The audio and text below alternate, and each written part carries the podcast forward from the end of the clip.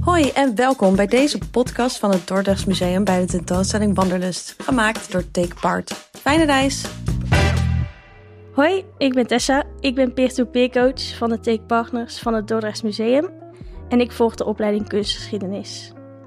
Ik kijk nu naar het schilderij van Pieter Oyens, genaamd De Schilderijenliefhebber uit 1878. Op het schilderij zie ik een man die met zijn rug naar mij als toeschouwer is gekeerd. Hij is namelijk schilderijen aan het bekijken. Hij doet dit van heel dichtbij, bijna alsof hij er met zijn neus tegenaan zit.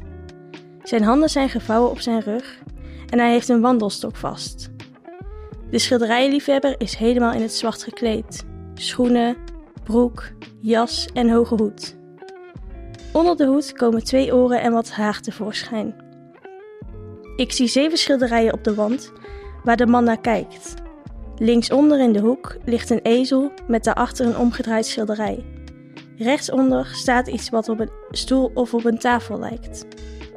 Ik heb dit werk gekozen omdat het mijn lievelingsschilderij is uit de collectie van het Dordrechts Museum. Wat ik zo leuk vind is dat ik mezelf en andere museumbezoekers herken. Helemaal verzonken in een schilderij, met de handjes op de rug en net niet te dichtbij. Het is dus echt een inkijkje, wat ik erg leuk vind. Ik zal jullie wat meer context geven over dit werk en de kunstenaar. Samen met David Oyens, zijn tweelingbroer, had Pieter oog voor de gewone dingen, waaruit een joie de vivre blijkt. Joie de vivre betekent levenslust of levensvreugde. Een leuk weetje over dit werk is dat het naar de wereldtentoonstelling in Parijs is gegaan. Waarom dit werk nou bij de tentoonstelling Wanderlust? Nou, omdat Pieter en zijn broer gingen reizen naar Brussel omdat er een goede markt was voor figuurstukken. Dit is een figuurstuk. Een voorstelling met mensen erin. Omdat er dus een goed kunstklimaat was in Brussel, omdat het internationaler was en meer gericht op het moderne Parijs, werden de twee broers aangetrokken.